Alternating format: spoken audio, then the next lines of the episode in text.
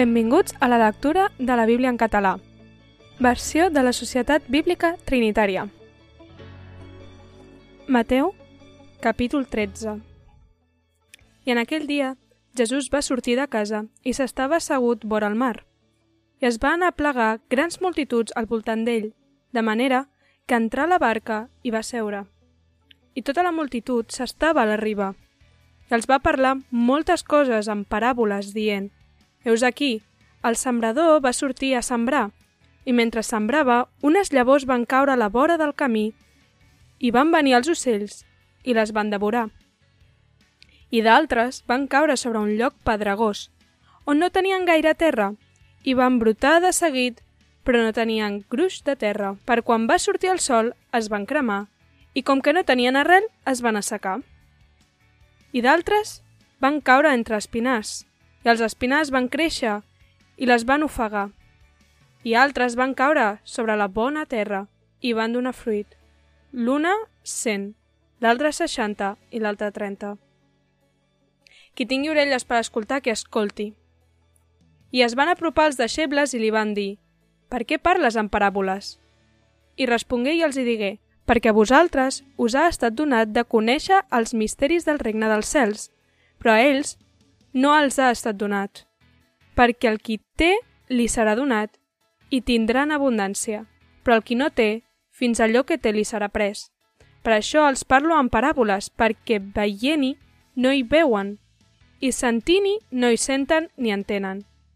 I en ells s'acompleix la profecia d'Isaïes que diu «Per més que escolteu no comprendreu, i per més que mireu no hi veureu» perquè el cor d'aquest poble s'ha engreixat i han escoltat pesadament amb les orelles i han tancat els ulls.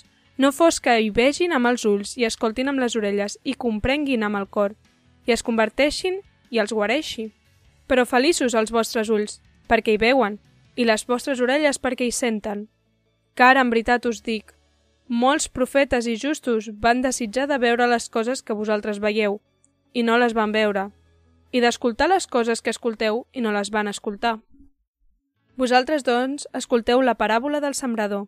Sempre que algú escolta la paraula del regne i no la comprèn, ve el maligne i arrabassa el que s'havia sembrat en el seu cor. Aquest és sembrat vora el camí. I el sembrat sobre el lloc pedregós és aquell que escolta la paraula i de seguit la rep amb alegria, però no té arrel en si mateix, sinó que és de temporada i quan ve una tribulació o una persecució per causa de la paraula ens supega immediatament.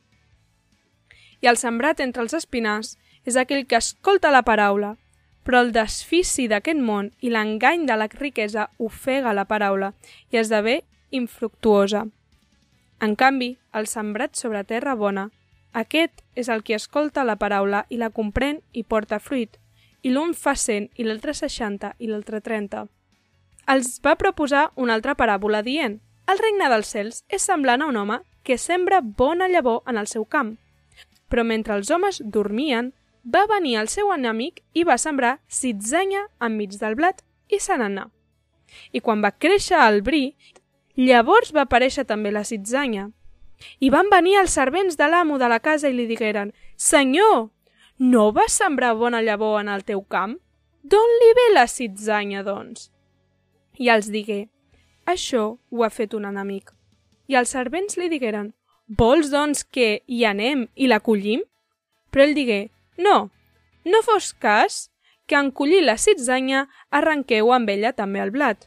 Deixeu que tots dos creixin juntament, fins a la cega, i al temps de la cega diré als segadors, colleu primer la citzanya i lligueu-la amb feixos per cremar-la, però el blat arreplegueu-lo en el meu graner. Els proposà una altra paràbola dient el regne dels cels és semblant a un gra de mostassa que un home va agafar i va sembrar en el seu camp. Aquest gra és el més petit de totes les llavors, però quan ha crescut és el més gran dels llegums i es torna un arbre, de manera que els ocells del cel venen a ajucar-se en les seves branques. Els va dir una altra paràbola.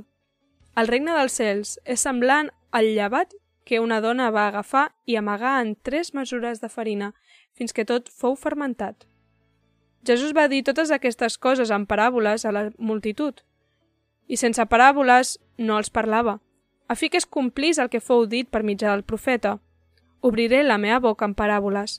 Proclamaré coses que han estat amagades d'ençà de la fundació del món. Llavors Jesús va acomiadar les multituds i entrar a la casa, i se li van atensar els seus deixebles dient «Explica'ns la paràbola de la citzanya en el camp». I respongué i els hi digué «El qui sembra la bona llavor és el fill de l'home, i el camp és el món, i la bona llavor són els fills del regne, i la citzanya són els fills del maligne. I l'enemic que el va sembrar és el diable, i la cega és el fi del segle, i els segadors són els àngels. Doncs així com es cull la citzanya i es crema el foc, així serà en la fi dels segles. El fill de l'home enviarà els seus àngels i colliran del seu regne tots els entrebancs i els qui practiquen la iniquitat. I els llançaran al forn de foc. Allà hi haurà el plor i el cruixir de dents. Llavors els justos resplendiran com el sol en el regne del seu pare. Qui tingui orelles per escoltar, que escolti. A més, el regne dels cels és semblant a un tresor amagat en el camp, que un home va trobar i va tornar a amagar. Amb molt de goig se'n va anar i va vendre tot el que tenia i va comprar aquell camp.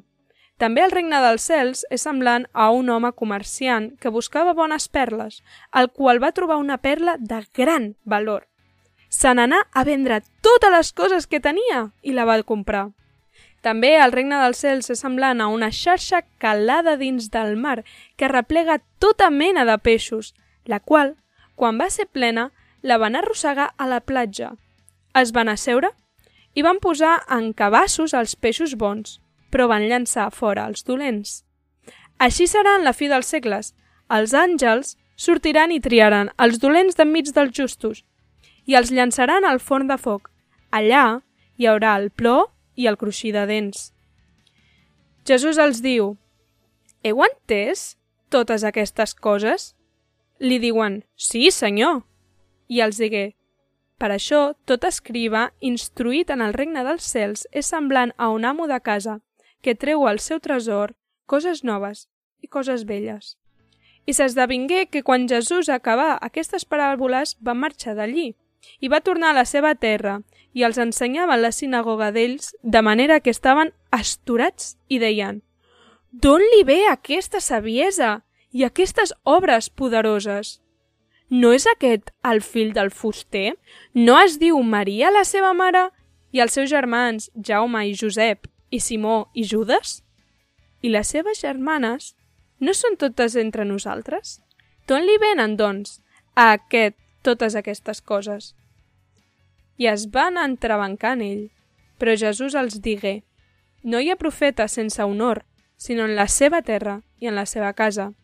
I allà no hi va fer gaires obres poderoses a causa de llur incredulitat. Gràcies per escoltar amb nosaltres la lectura de la Bíblia. Això ha estat Mateu 13.